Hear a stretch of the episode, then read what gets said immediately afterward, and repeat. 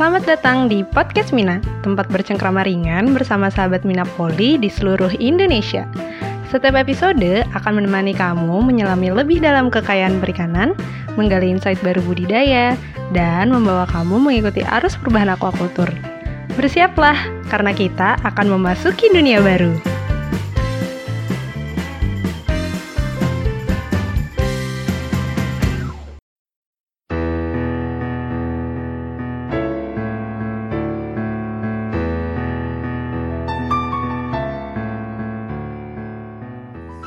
Minapoli, saya Larasati sebagai host podcast Mina.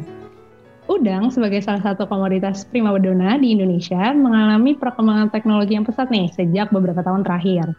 Nah, pembaharuan-pembaharuan ini terus dilakukan seiring dengan berkembangnya juga berbagai jenis bakteri dan virus pada budidaya udang. Nah, salah satu jenis bakteri nih yang sekarang lagi banyak banget dibahas adalah Vibrio parahemolyticus yang menyebabkan penyakit akut hematopankreatik necrosis disease atau AHPND. Mungkin ada juga beberapa orang yang bilangnya APEN ya. Nah, berbagai media ini digunakan nih untuk saling berbagi dan mengedukasi terkait serangan penyakit ini untuk menyelamatkan budidaya udang kita dari serangan APEN ini. Oleh karena itu, pada episode kali ini kita kehadiran narasumber seorang petambak dari Jawa Timur yang akan membahas AHPND pada udang hari ini. So please welcome Pak Agus Saiful Huda sebagai Advisor Scrapping Indonesia dan Pak Fauzan Bahri sebagai Senior Sales Manager Scrapping Indonesia. Selamat datang Pak Fauzan dan Pak Agus. Selamat datang Mbak Laras. Oke, jadi khusus di episode kali ini saya akan uh, ditemani Pak Fauzan ya untuk mengulik lebih lanjut nih terkait HPND itu sendiri. Dan supaya obrolannya juga makin seru ya Pak Fauzan dan Pak Agus. Ya betul betul. Uh, mungkin sedikit Mbak Laras ya sebelum iya, kita lebih dalam ngulik ke Pak Agus, uh, mm-hmm.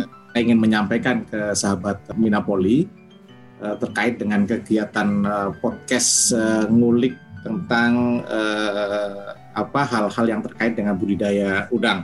Mm-hmm. Kali ini kita mengundang Pak Agus Saifaluda sebagai owner dan uh, petambak uh, di uh, Jawa Timur. Mm-hmm. Ini akan membahas uh, uh, hot isu yang ada sekarang. Oke. Okay. Dari dari pandangan dari pengalaman uh, Pak Agus Saiful Huda ini bisa memberikan sebuah referensi solusi terhadap uh, hot isu atau permasalahan yang ada di tambak terkait dengan nanti pengalaman-pengalaman yang dihadapi dari uh, Pak Agus Saiful Huda secara teknis dan secara uh, lapangan tidak hanya teori. Ini mungkin nanti eh, sahabat Minapoli bisa lebih dalam eh, untuk eh, apa mendapatkan sebuah eh, referensi solusi terhadap eh, hmm, hmm. di di tambak udang. Gitu Mbak uh, Laras. Oke Pak Fauzan, terima kasih nih untuk intronya uh, di podcast kali ini. Oke, mungkin sebelum kita ngobrol lebih lanjut lagi, uh, saya mau nanya dulu nih Pak Agus, apa kabarnya Pak Agus? Baik? Baik, Mbak Laras, selamat pagi menjelang siang. iya Pak. Oke sekarang posisinya lagi di mana nih Pak? Saya lagi di rumah, work from mm -hmm. home. Work from gitu. home. Iya. Oke di, di daerah mana nih Pak kalau boleh tahu? Saya di Probolinggo, Jawa Timur. Oh, di Probolinggo. Oke, kalau Pak Fauzan sendiri gimana nih Pak kabarnya? Sehat-sehat juga? Alhamdulillah, sehat selalu, insya Allah. Oke, jadi untuk mungkin yang dengerin podcast Mina dari episode pertama, ini udah familiar ya dengan Pak Fauzan ini karena uh, kita udah ngobrol-ngobrol terkait pakan ikan dan udang di episode sebelumnya. Jadi buat yang ingin lebih tahu lebih lanjut lagi tentang Fauzan nih dan pakan ikan dan udang itu bisa langsung dengerin dulu nih ya podcast yang keempat biar lebih nyambung gitu ilmunya. Nah. Oke, nah sekarang kita kenalan nih sama Pak Agus. Oke Pak Agus, setelah lulus dari Fakultas Perikanan Universitas Brawijaya tahun 1988 ya Pak kalau nggak salah? Iya. Nah, apakah langsung masuk ke dunia aquaculture atau sempat nyoba-nyoba bidang yang lain dulu nih Pak? Nah ini flashback ke belakang Mbak Laras. Iya. Jadi saat eh, tahun 98 lulus Februari kalau nggak salah, baru eh, Oktober November wisuda. Hmm. Ya, selama Februari sampai ini saya membantu di Untas Kertanegara Malang. Oh, oke. Okay. Nah, setelah wisuda saya langsung nyebur juga di uh, budidaya udang, tambah udang. Oh, Jadi gitu. mulai 1988 akhir semestinya 1988 hmm. akhir.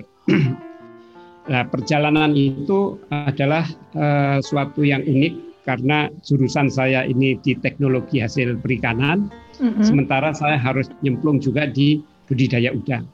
Oh, gitu. Namun demikian, ya, namun demikian, Mbak, pada tahun seperti itu sudah mahfum semua, kadang lembaga pendidikan tinggi belum mengikuti eh, gerak cepat daripada pengusaha di bidang budidaya udang.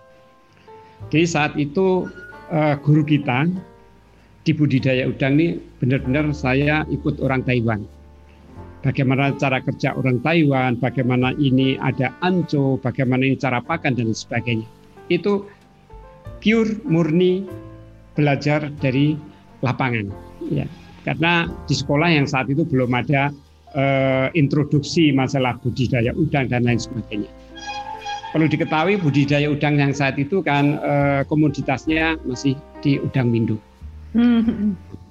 Dalam perjalanan uh, mulai tahun 88, kemudian kita learning by doing, kemudian saya pindah dari satu perusahaan ke perusahaan yang lain, ya ke perusahaan yang lebih besar lagi, saya dua sampai uh, tiga tahun.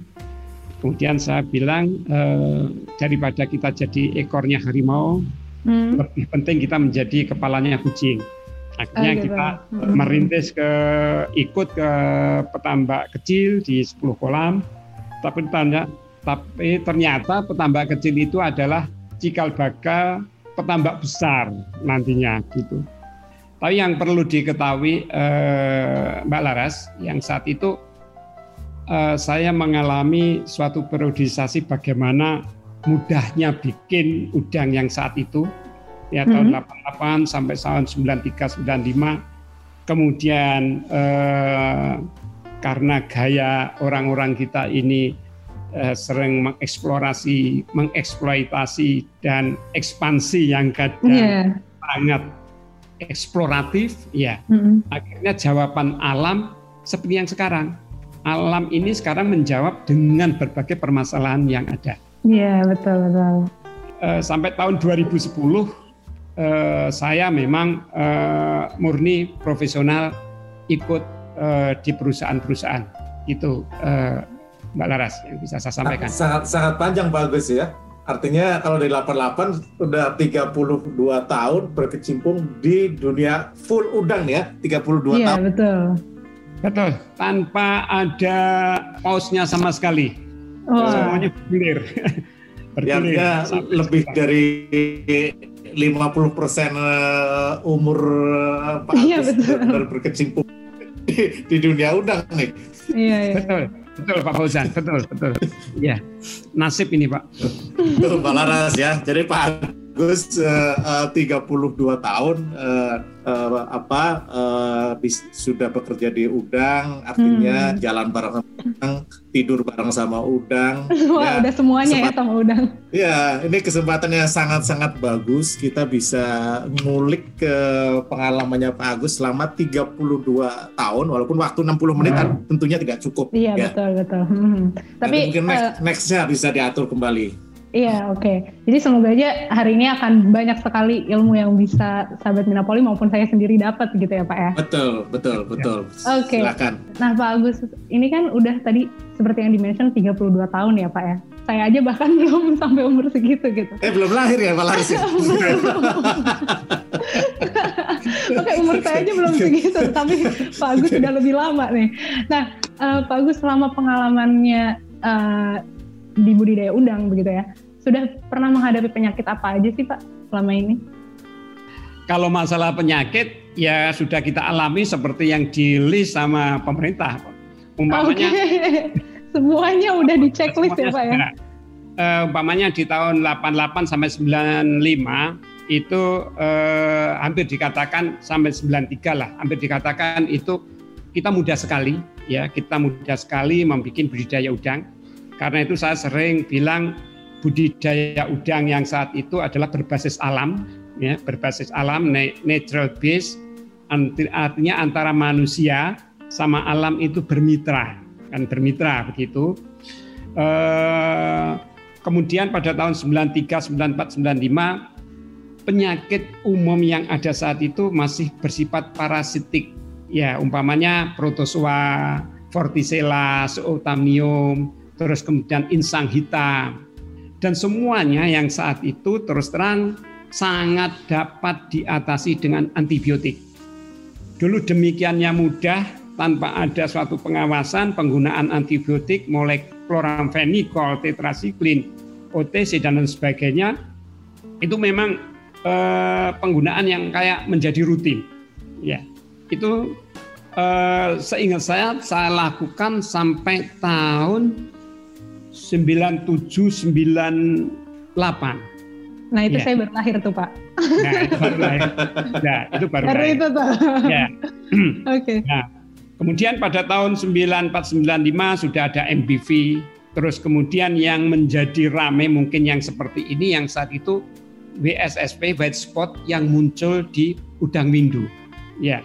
Sebenarnya problemnya eh, kegaduhan kita di awal di uh, udang windu dulu ya seperti kita WSSP, terus kemudian di awal kita Vaname itu TSV, terus kemudian ada IMNV, kemudian APEN. Kalau saya melihat gejolaknya ya eh, ya seperti ini. Kita sangat-sangat bingung sekali dengan kondisi seperti ini, tapi nanti dapat kita lewati juga dengan dengan mulusnya dengan eh, segala resiko yang ada.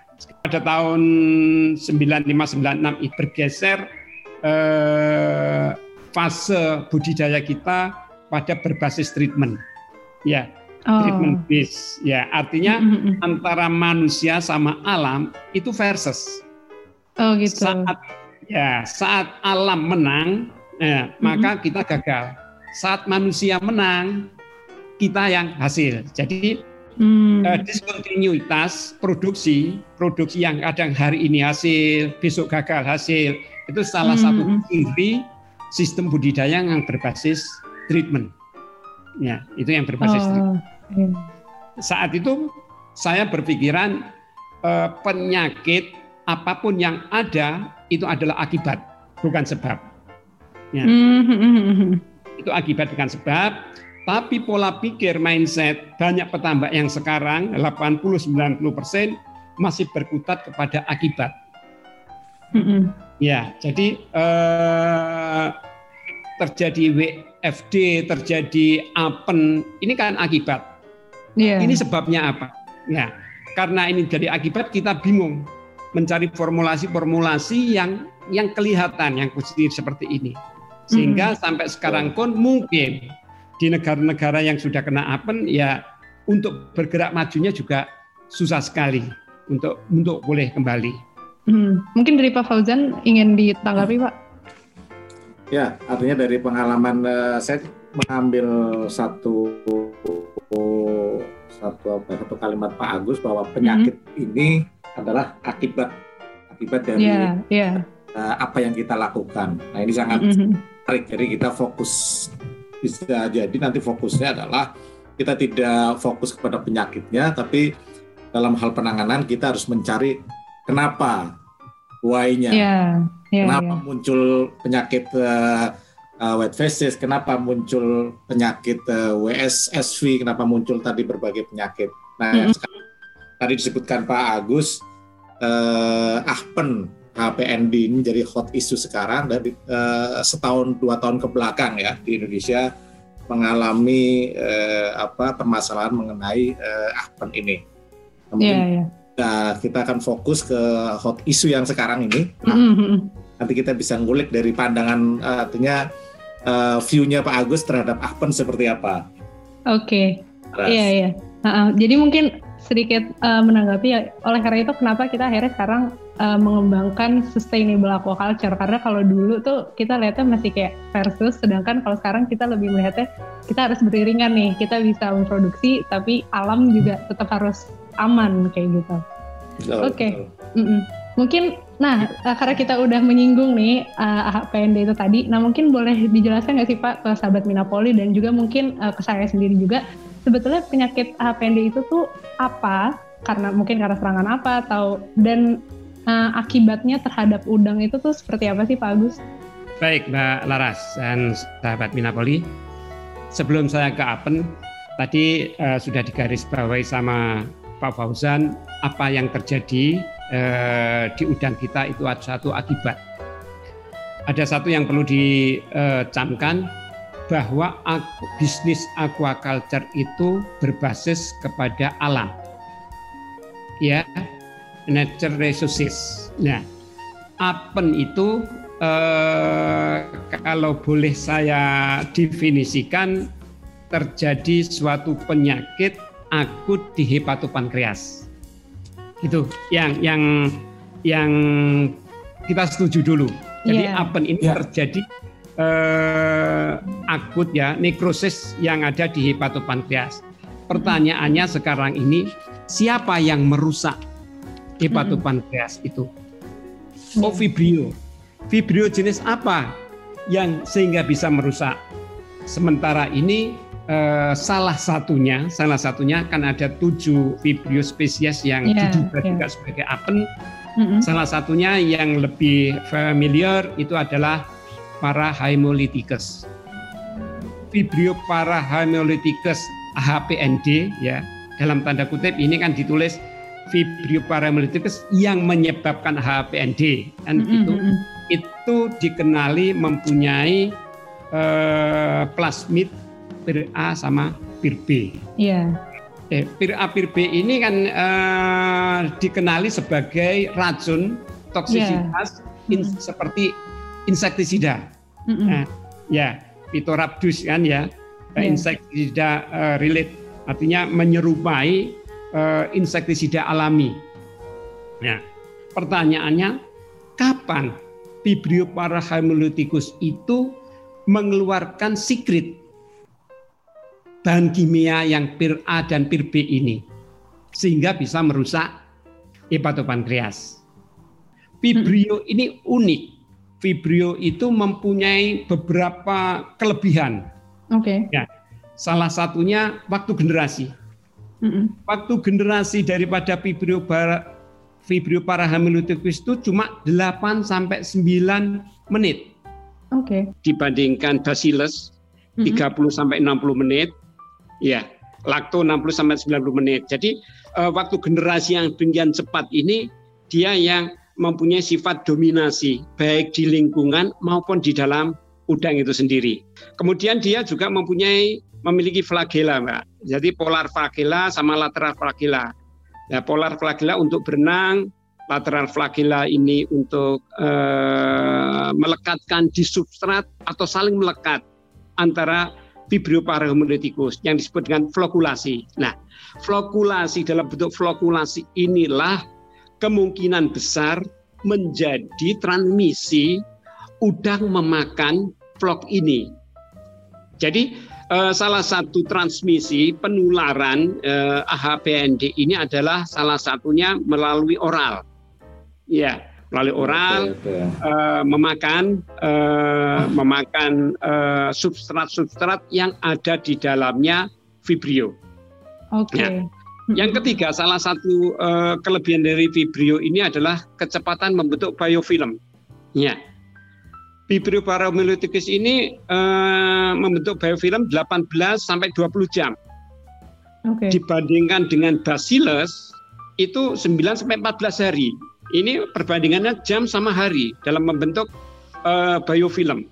Nah, ini salah satu sebenarnya banyak uh, banyak apa ini uh, kelebihan Vibrio parahemolyticus ya karena sifatnya dia ini adalah oportunistik. Kalau dia di lingkungan yang baik menjadi orang yang baik, di lingkungan jelek mereka akan menjadi patogen. Belajar dari situ nantinya eh, sudah tahu apa salah satunya sifat dari Vibrio eh, seperti itu, berarti nanti dalam penerapan budidaya udang eh, kita harus menghindari beberapa macam sumber sehingga menjadi uh, sumber hidup daripada vibrio itu sendiri. Oh, iya, nah, iya. iya. Vibrio ini yang perlu kita bahas ada dua, hmm. vibrio di air di kolam hmm. dan vibrio di uh, di udang sendiri. Hmm. Ya, ya. Problemnya sekarang apakah di udang ini sudah ada vibrio lebih dulu atau dari air baru masuk di udang.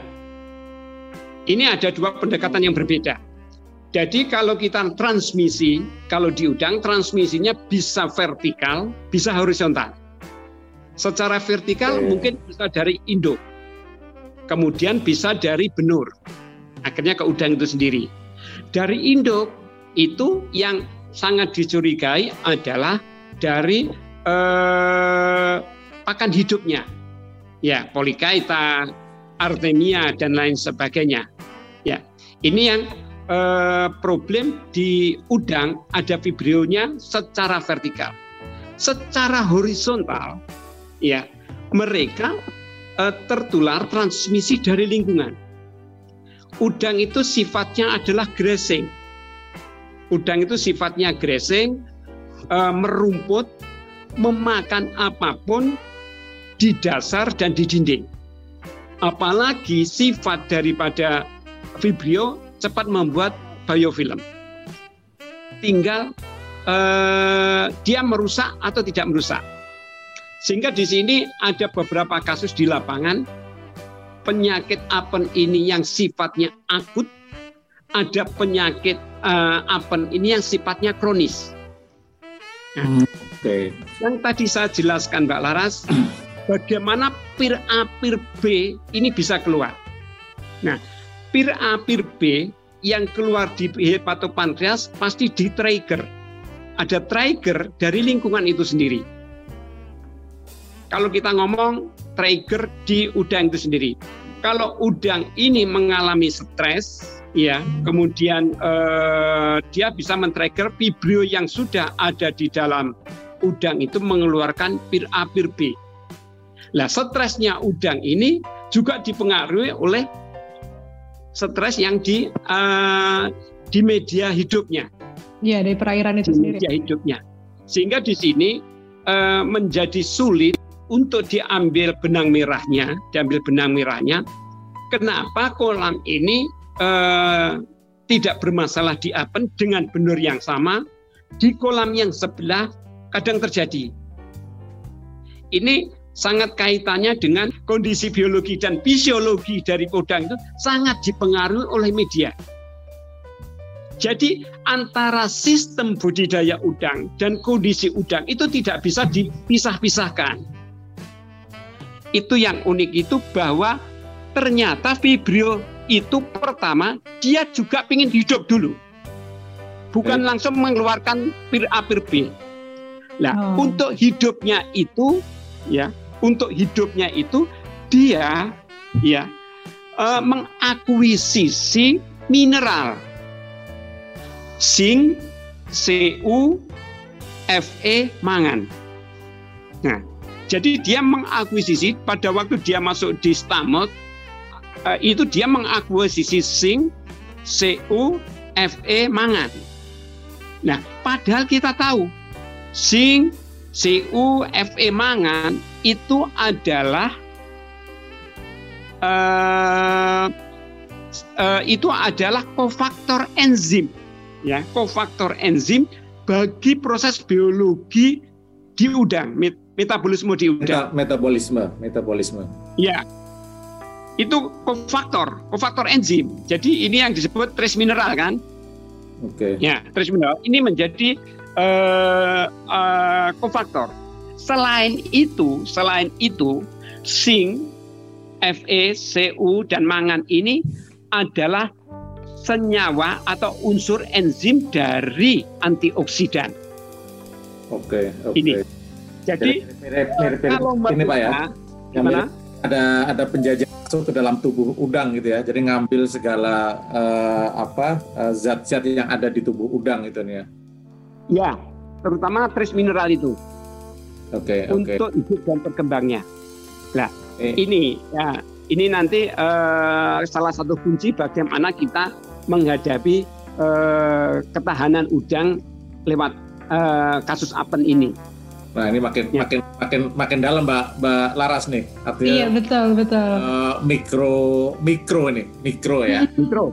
mikro Pak Agus Pak Agus, ya. uh, tadi uh, sedikit uh, menanyakan. Tadi yang Pak Agus sampaikan mengenai 8 sampai 9 menit ya uh, vibrio. Hmm. Ini artinya dalam waktu segitu dia langsung melakukan sebuah proses uh, apa istilahnya reproduksi atau uh, multiplication ya. gitu ya. Uh, jadi uh, generation time, waktu generasi. Waduh. Bayangkan dalam satu jam kalau satu sel daripada ini sudah berapa? Ya, artinya ini Mbak Laras dan sahabat uh, Napoli dengan melihat uh, apa sistem biologinya Verbio para di mana 8 sampai 9 menit mereka sudah yeah. Yeah. Uh, menggandakan diri, mm-hmm. kita sudah bisa membayangkan nanti seperti apa dalam sebuah lingkungan kalau sudah muncul uh, Vibrio para. Yeah sangat-sangat uh, cepat ya Pak. Nah, Pak Agus, ini menarik Pak Agus. Tadi Pak Agus menyampaikan terkait uh, mungkin sebelum nanti Pak Agus uh, gini ya uh, menyampaikan uh, karena sahabat Mina Poli pasti ingin tahu kita bicara Ahpen ini kalau misalnya orang awam atau orang yang belum begitu pengalaman banyak saat melihat uh, udang ini uh, ciri utamanya misalnya kita main ke tambak udang kemudian lihat uh, udang ciri utama udang yang kena apen itu seperti apa Pak Agus? Nah, uh, kalau kita kembali ke OIE ya, ya OIE itu kan organisasi dunia yang uh, kesehatan udang ya. Ya, betul. Ya, salah satu ya. Jadi ini sebenarnya di OIE itu sudah jelas uh, apen itu terkonfirmasi, apen itu uh, dalam suspek itu apa yang uh, yang ada kan begitu. Hmm. Jadi kalau menurut uh, eh, OIE semestinya kita sudah jelas ya hepatopankreasnya pucat mengarah ke putih. Oh. Khususnya putus-putus atau tidak kosong sama sekali. Hmm. Hepato kalau dipegang itu elastis gitu. Kata dipegang elastis. Itu ciri yang uh, diberikan oleh OIE ya hmm. untuk apen. Tapi kenyataan di lapangan, nah ini ini yang tadi saya belum kenyataan di lapangan kadang-kadang tidak seperti ini. Ini yang perlu kita curigai apakah ada co-infection multiple patogen. Co-infection apakah uh, eh, WS dulu yang masuk, kemudian atau patogen apa yang masuk, kemudian ada apa. Jadi kalau kita ngomong ciri, ya kalau ngomong ciri, kita ngomong ciri kalau kita berdasarkan OIE, ya itu seperti itu. Kalau kita ngomong suspek dicurigai, itu salah satunya kematian dan tanda klinis yang sesuai AHPND. Okay. Harus ada alasan. Itu. Jadi eh, ke uh, kematian kematian itu Pak Agus yang tadi ciri uh, ciri yang secara lapangan ya. Karena mungkin saya Bina Poli ingin ingin ingin tahu ciri yang paling mudah di di detek, ya? hmm. temukan dalam artian misalnya apakah udangnya ini uh, umur tertentu, kemudian apakah udangnya melayang dulu ke permukaan yeah. atau gimana Pak Agus? eh, saya sendiri juga belum paham betul ya tapi dari eh, yang saya konsultani itu tidak ada eh, kasus eh, flying melayang hmm. ya tidak ada kasus tapi langsung ada kematian di Anco itu hmm. warna putih beras ya putih beras tetapi okay. saat ya putih warna putih beras ya ini kan berarti kan sudah bergeser dari kriteria OIE.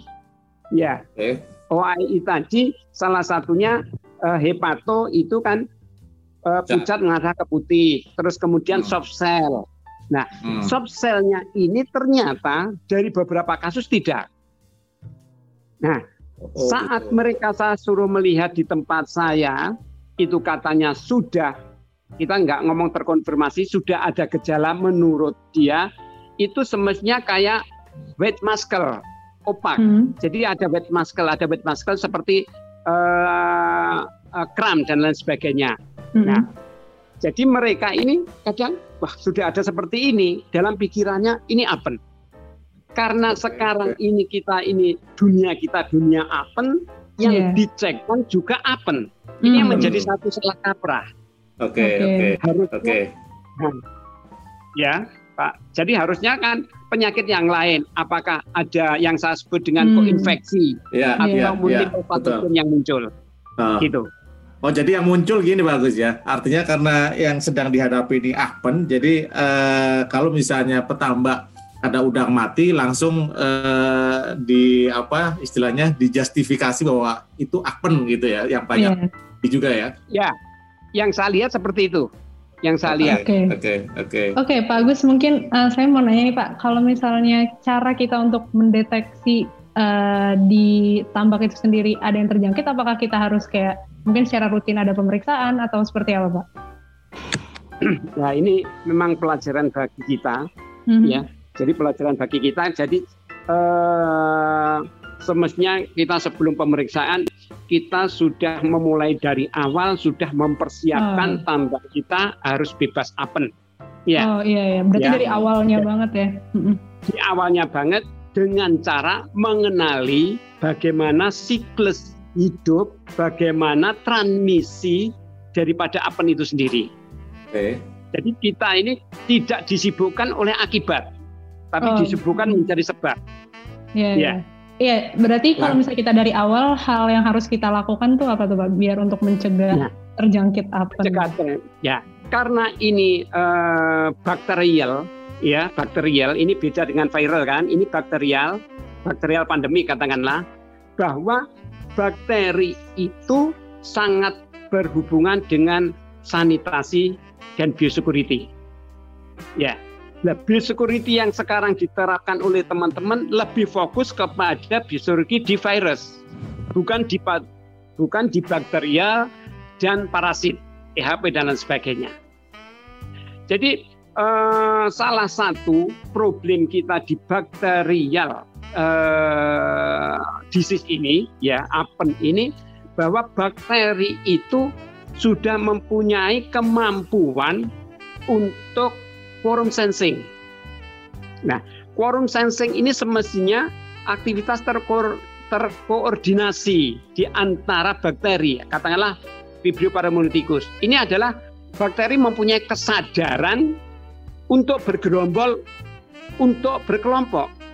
Ini bakteri mempunyai kesadaran untuk ber untuk apa itu? Satu, untuk bermigrasi ke lingkungan yang sesuai dengan hidupnya atau mencari makanan yang paling baik untuk dirinya. Itu yang kedua, dia tuh mengadopsi cara-cara pertumbuhan seperti sporulasi dan biofilm untuk menghadapi suatu kondisi yang paling jelek. Nah, Berarti kalau bakterial ya ini adalah hubungannya dengan sanitari, hubungannya dengan kebersihan. Kebersihan apa?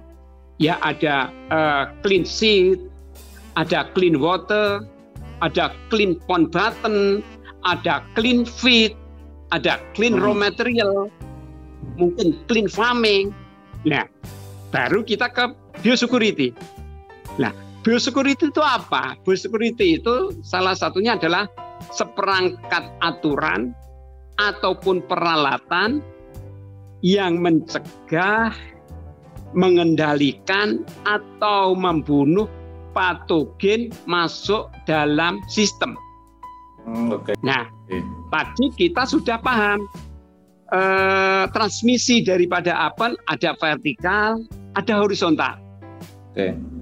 Ya, Berarti kalau kita dari dua ini ada vertikal horizontal dapat kita simpulkan. Berarti bagaimana kita mendrive uh, budidaya udang di apen ini? Cuma ada dua. Benur sama technical management. Nah, ini tergantung orang. Kalau orang atau petambak itu menempatkan benur 50% dan technical 50% dalam keberhasilan, maka petambak itu akan gambling selama dia bekerja di tambak. Apalagi kalau ada petambak menempatkan keberhasilan benur itu memegang peranan 60%, terus technical management 40%, saya sarankan untuk berhenti untuk nambah. Yeah. nah, bagus, bagus. Tadi menyela sebentar sedikit uh, terkait dengan transmisi, transmisi dari uh, apa? Uh, Hmm. Nah, tadi Pak Agus menyampaikan ada dua transmisi model antara vertikal dengan uh, horizontal. horizontal. Kemudian ini yang menjadi langkah-langkah yang harus uh, petambak lakukan tentunya uh, terkait ya. semuanya belum tahu, belum tahu artinya transmisi yang utamanya itu dari mana. Apakah dari atas atau dari uh, horizontal kan gitu nih ya kan. Nah, tadi Pak Agus menyampaikan mengenai uh, satu kata tentang clean clean dari semuanya kan gitu kan ya yeah. water clean uh, larva hmm. clean segala hal kan gitu kan nah untuk yang menghadapi sekarang Pak Agus artinya uh, clean sheet atau clean dari PL itu kan nanti kan masuk ke ranahnya uh, hatchery yeah. hatchery akan lebih fokus dalam hal pemeliharaan hmm. nur kemudian saat rilis atau saat jual harus melalui sebuah pengecekan bahwa ini sudah free dari Ahpen kan seperti itu Pak Agus ya? Ya.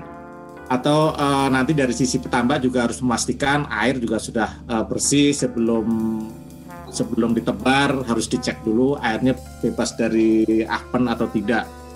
Seperti itu atau gimana Pak Agus ininya? ya, ya kalau kita sudah uh, sepakat transmisi itu vertikal horizontal, semua langkah-langkah ya harus di list Hmm. Dari hatchery juga harus di list bagaimana kita akan mendapatkan seed yang clean, ya, benur yang bersih, ya. Artinya hmm. bersih dari AHPND juga kan seperti ini. Uh, ini kalau kita secara vertikal, ini memang uh, ada otoritas di hatchery. Nah ini yang kadang kita kan uh, Pak Fauzan sering ngomong uh, hatchery itu sebenarnya teknologinya lebih advance dibandingkan ditambah. Saya setuju sekali. Ya. Makanya tadi ada yang terakhir saya bilang kalau dari dua transmisi ini uh, tambah uh, kolam sama benur, maka cuma ada dua untuk mendrive budidaya udang di masa apen. Benur sama technical management kan begitu.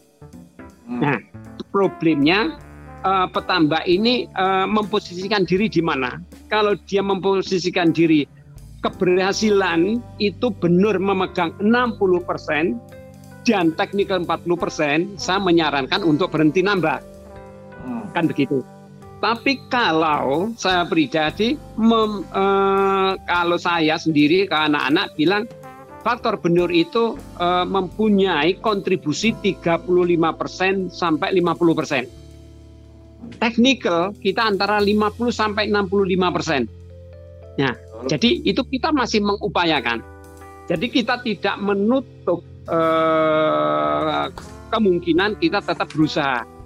Dan ini memang harusnya tetap dikomunikasikan dengan pihak hatchery. Iya. Eh. Karena yang yang kita kerjakan di depan kita adalah tambak, maka tambak ini menjadi eh, otoritas kita, otoritas kita. Hmm. Jadi ini yang eh, kita kalau kita sudah ditambah kita mau mem mempersiapkan untuk eh, ke arah ke depan ya semuanya berbasis kepada knowledge of eh, pengetahuan daripada enemy knowledge of enemy-nya. Pengetahuan daripada musuh itu sendiri. Kita harus tahu hmm. di mana mereka bagaimana bekerjanya Okay. Ini dulu kita list, baru kita membuat konsep sistem budidaya. Hmm. Ya, kita mau membuat konsep sistem budidaya. Nah, kalau kita sudah ini yang berkaitan dengan biosecurity. Biosecurity itu semestinya pola pikirnya cuma jalur sama akses. Mm -hmm. Jalur sama akses. Ya, jadi kita harus tahu jalurnya, harus tahu aksesnya biosecurity. Nah, jadi ini uh, sanitasi biosecurity untuk sekarang menjadi kunci keberhasilan. Oke, okay, oke. Okay. Menarik ya. nih Pak Laras dan sahabat uh, Minapoli mengenai tadi satu satu apa statement Pak Agus mengenai kita harus hmm. paham enemy-nya seperti apa, musuh kita betul, betul. seperti apa, ahpen itu seperti apa. Nah, Pak Agus, hmm. sepengetahuan saya bahwa ahpen ini kan bukan penyakit baru di dunia ya. Di Indonesia mungkin baru baru satu tahun ke belakang, satu satu setengah tahun ke belakang. Tapi di negara lain sudah cukup lama, udah mungkin di 10 tahun di uh, Vietnam, di Cina, di Malaysia, di Thailand. Dan mereka sudah mengalami cukup panjang serangan dari Ahpan. Artinya pemahaman terhadap uh, enemy, terhadap musuh ini secara teori, secara uh, saintifik sudah diketahui ya. Tadi Pak Agus di awal sudah menyampaikan cukup panjang tuh. Ahpan seperti apa, kenapa menjadi uh, berbahaya setelah mengeluarkan toksik gitu nih ya. Nah, Pak Agus, karena waktu yang cukup ini juga Mbak Laras. Uh, ya, ya. Uh, hmm, kita terbatas cuma durasi. waktu terbatas durasi. Hmm. Mungkin kita masuk ke dari pengalaman Pak Agus nih. Iya. Walaupun ditambahnya Pak Agus belum, tapi ditambah-tambah rekanan yang Pak Agus menjadi konsultan mm -hmm. juga kena. Kira-kira dari sisi penanganan terhadap ini, uh, Ahpen, apakah yeah. solusi-solusi khusus hmm. sudah sudah terjadi? Karena dari dari petambak di Indonesia tidak semuanya kena, masih ada yang lolos. Artinya kita bisa yeah. dari yang lolos, belajar dari yang kena juga kan gitu. Mm -hmm. Ya artinya uh, dari sisi penanggulangan ya uh, preventif uh, dengan dengan kondisi akpen ini, karena dari sisi enemy mungkin pengetahuan sudah cukup banyak, artinya mm -hmm. Kapan itu vibrio muncul, kapan dia uh, melakukan serangan, kapan dia tumbuh ini kan semuanya secara keilmuannya sudah sudah bisa dianalisa ya. Nah dari sisi teknis lapangan Pak Agus. Jadi eh, secara teknis lapangan semestinya kalau kita sudah memahami enemy, sudah memahami enemy, artinya kita melihat Vibrio secara umum kan begitu. Hmm. Eh, kita melihat Vibrio secara umum bahwa eh, salah satunya dia hidup di organik yang tinggi. Hmm. Ya, salah satunya. Dia hidup di organik yang tinggi. Nah, berarti ini harus kita terjemahkan bagaimana raw material kita tidak mempunyai organik yang tinggi. Yang kedua, bagaimana dalam sistem kita organiknya bisa hmm. dikontrol sedemikian rupa hmm. yang sebagai rumah. Jadi pembatasan-pembatasan soal kehidupan Vibrio parahomolitikus ini sudah kita pepet sedemikian rupa. Nah, bayangkan Pak Fauzan, bayangkan hmm. kalau seluruh tambak di pantai utara di mana pun semuanya ya sudah di HDPE, semuanya sudah dibeton. Berapa organik dari pakan itu yang keluar di pantai, di saluran atau di muara? Hmm. Ini yang yang membuat mereka berevolusi membuat mereka berevolusi atau mungkin bermutasi. Hmm. Ya. Umpama gini, Pak Fauzan, orang bilang begini, e, cara penghitungan FCR. FCR satu setengah, itu artinya satu setengah kilo pakan untuk satu kilogram udang, ya, Mbak Laras? Iya, betul. Mm. Ya, seperti yeah. itu berarti ada ada 0,5 yang terbuang di lingkungan. Mm -hmm. yeah. Hmm. Tapi caranya menghitung pakan itu dihitung dengan berat kering cuma 10 sampai 11 persen. Sedangkan oh, udang yeah. dengan berat basah 60 persen. Jadi umpamanya kita mau mencari rasionya, rasionya nanti pokoknya pakan 15 ton dapat 10 ton, berapa itu limbah? Yeah. Ya, artinya, Kalau, artinya di situ organik organik meternya bagus ya, yang betul-betul hmm, banyak terbuang. Iya, ya.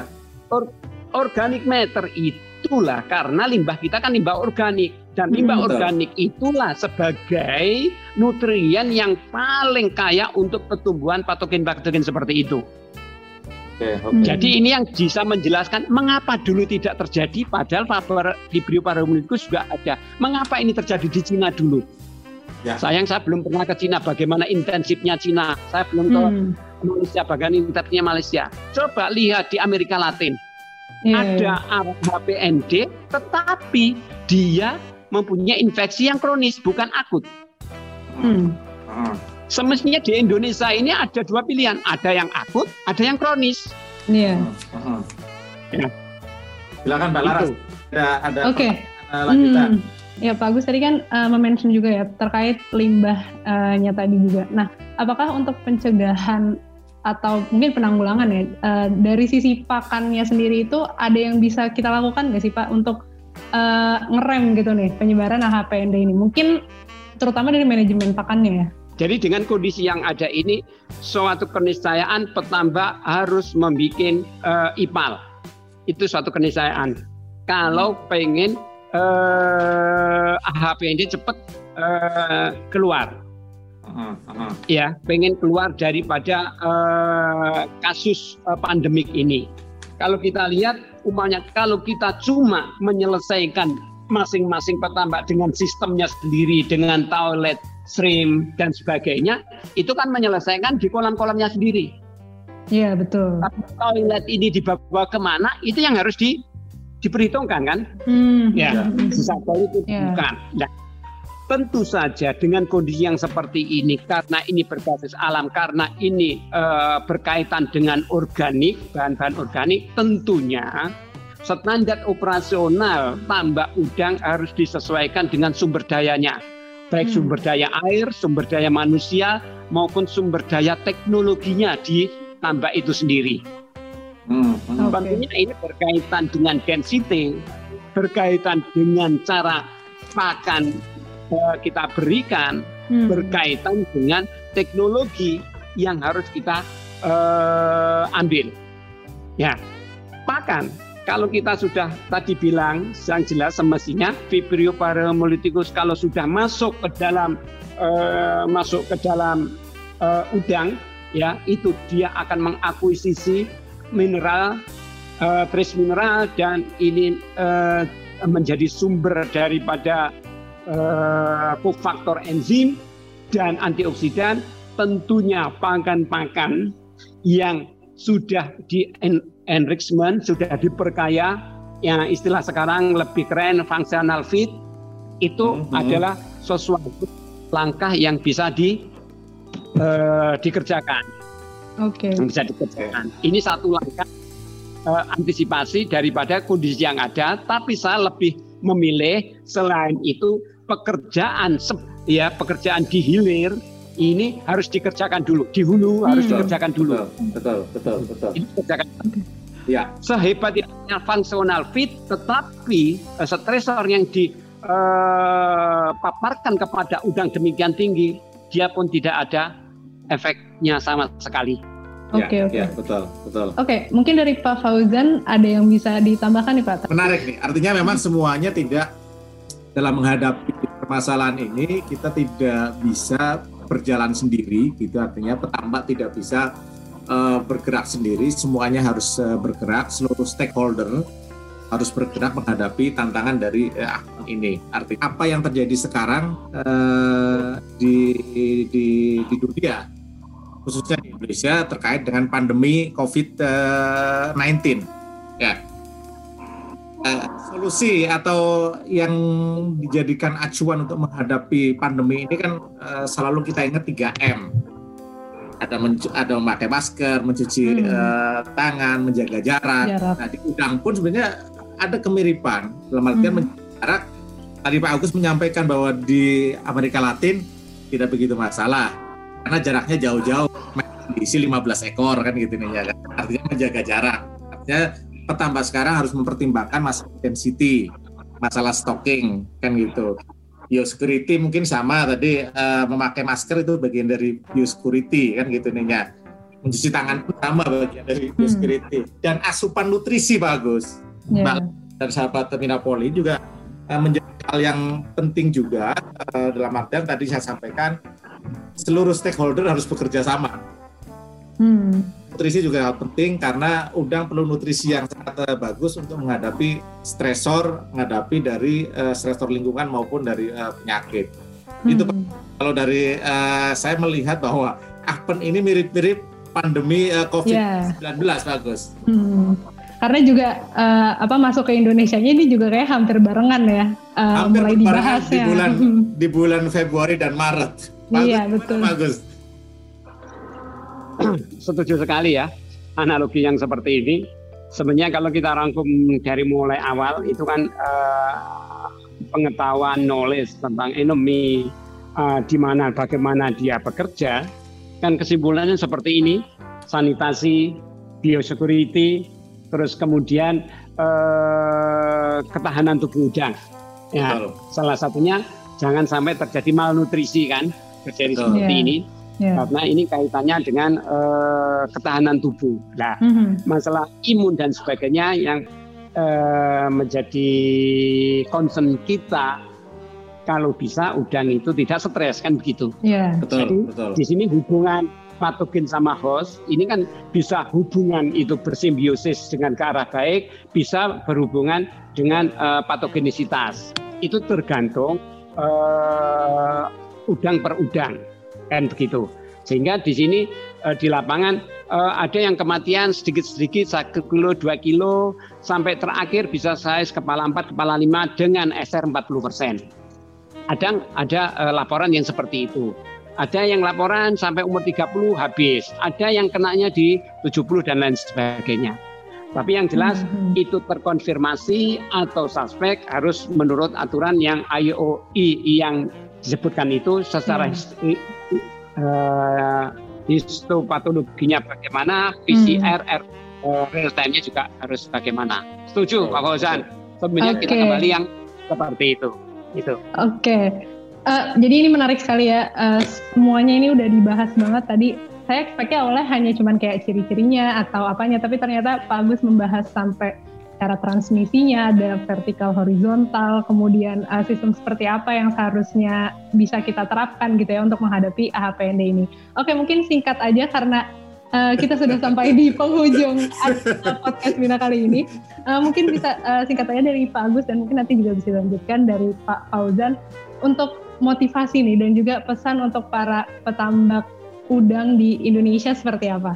Silahkan dari Pak Agus dulu.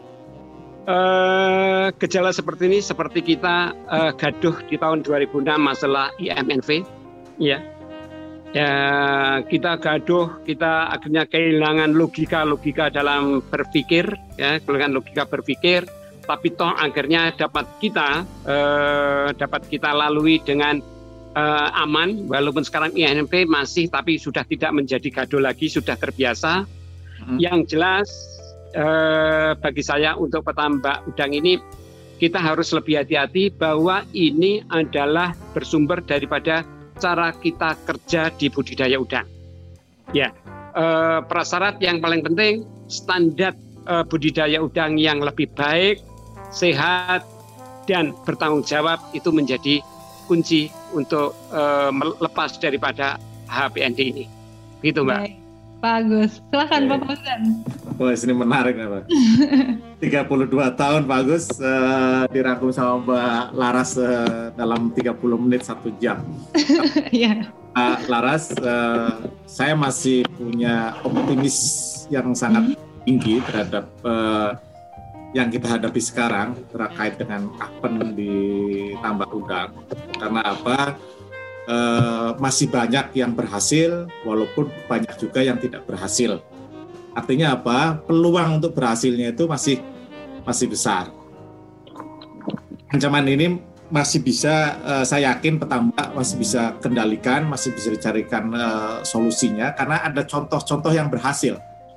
Yeah. Belajar dari contoh yang berhasil, kita bisa belajar jadi yang tidak berhasil juga. Mm, betul yang lebih uh, berhasil. Tentunya memang kerjasama stakeholder di tambak ini sangat penting dari uh, hatchery sebagai penyedia benur, kemudian petambak itu sendiri sebagai yang memelihara udang sampai panen, kemudian bagi pabrikan pakan yang mensuplai uh, nutrisi ini kerjasama tiga ini sangat penting bagaimana memastikan satu benur bersih Artinya setelah benur keluar harus cek PCR. Kalau sudah yeah. cek PCR negatif berarti uh, petambak juga harus 100% hakul mm. yeah. bukan dari benur gitu kan. Hmm. Kecuali kalau benur tidak dicek kan gitu. Mm. Kemudian dari nutrisi juga harus pastikan uh, pakan yang uh, memiliki kualitas bagus untuk memberikan asupan udang untuk menghadapi uh, ancaman dari penyakit. yang terakhir uh, persentase besar sebenarnya di uh, tangan petambak karena tadi Pak Agus menyampaikan secara teknikalnya itu bisa yeah. di atas 50% kalau ingin hmm, hmm. ya yang memastikan uh, kolam ini bersih, yeah, betul. kolam ini tidak berfluktuasi, tidak memberikan tambahan stresor kepada udang, ini kan petambak. Oke. Okay. Memang kunci ujungnya memang petambak harus betul-betul mengevaluasi semua sistem yang ada. Hmm. Kalau di pandemi ini berarti Pak Agus saya sampaikan eh, apa namanya adaptasi kebiasaan baru. Ya. Iya. Jadi ya, ya, ya. kita semua harus mulai beradaptasi dengan tantangan. Hmm. Kalau di kita sekarang yang biasanya tidak pakai masker, sekarang pakai masker, ditambah ya, biasanya tidak pakai sterilisasi, pakai sterilisasi biar bersih. Hmm. Yang biasanya orang masuk bebas, sekarang kamu nggak boleh masuk tambak, khawatir hmm. ada uh, kontaminasi. Yang tadinya pilih benur tidak dicek, sekarang harus dicek uh, eh, PCR. Mungkin itu Mbak uh, Laras kalau dari saya. Artinya saya masih sangat optimis di dunia hmm. uh, walaupun kita sedang menghadapi tantangan yang berat dari uh, Akpen ini. Oke, jadi bersama-sama kita uh, untuk menghadapi HPND dan juga COVID seperti itu ya, untuk menjaga betul, kesehatan udang betul, maupun betul. Uh, kesehatan orang. Iya, ya. betul, betul, betul sekali, okay. Pak Laras. Baik, terima kasih banyak kepada Pak Agus dan Pak Fauzan ya untuk waktunya hari ini karena akhirnya nih kita bisa bercengkrama dengan sahabat Minapoli terkait, terkait AHPND dan juga uh, budidaya udang. Jadi semoga setelah ini kita sama-sama punya optimisme yang kuat dalam mengembangkan budidaya udang dan aquaculture Indonesia. Oke, okay, so thank you guys for listening. My name is Larasati Puspita Dewi. My name is Agus Saiful And my name Fauzan from uh, Secreting. See you in another episode. Goodbye. Okay, goodbye. Yes.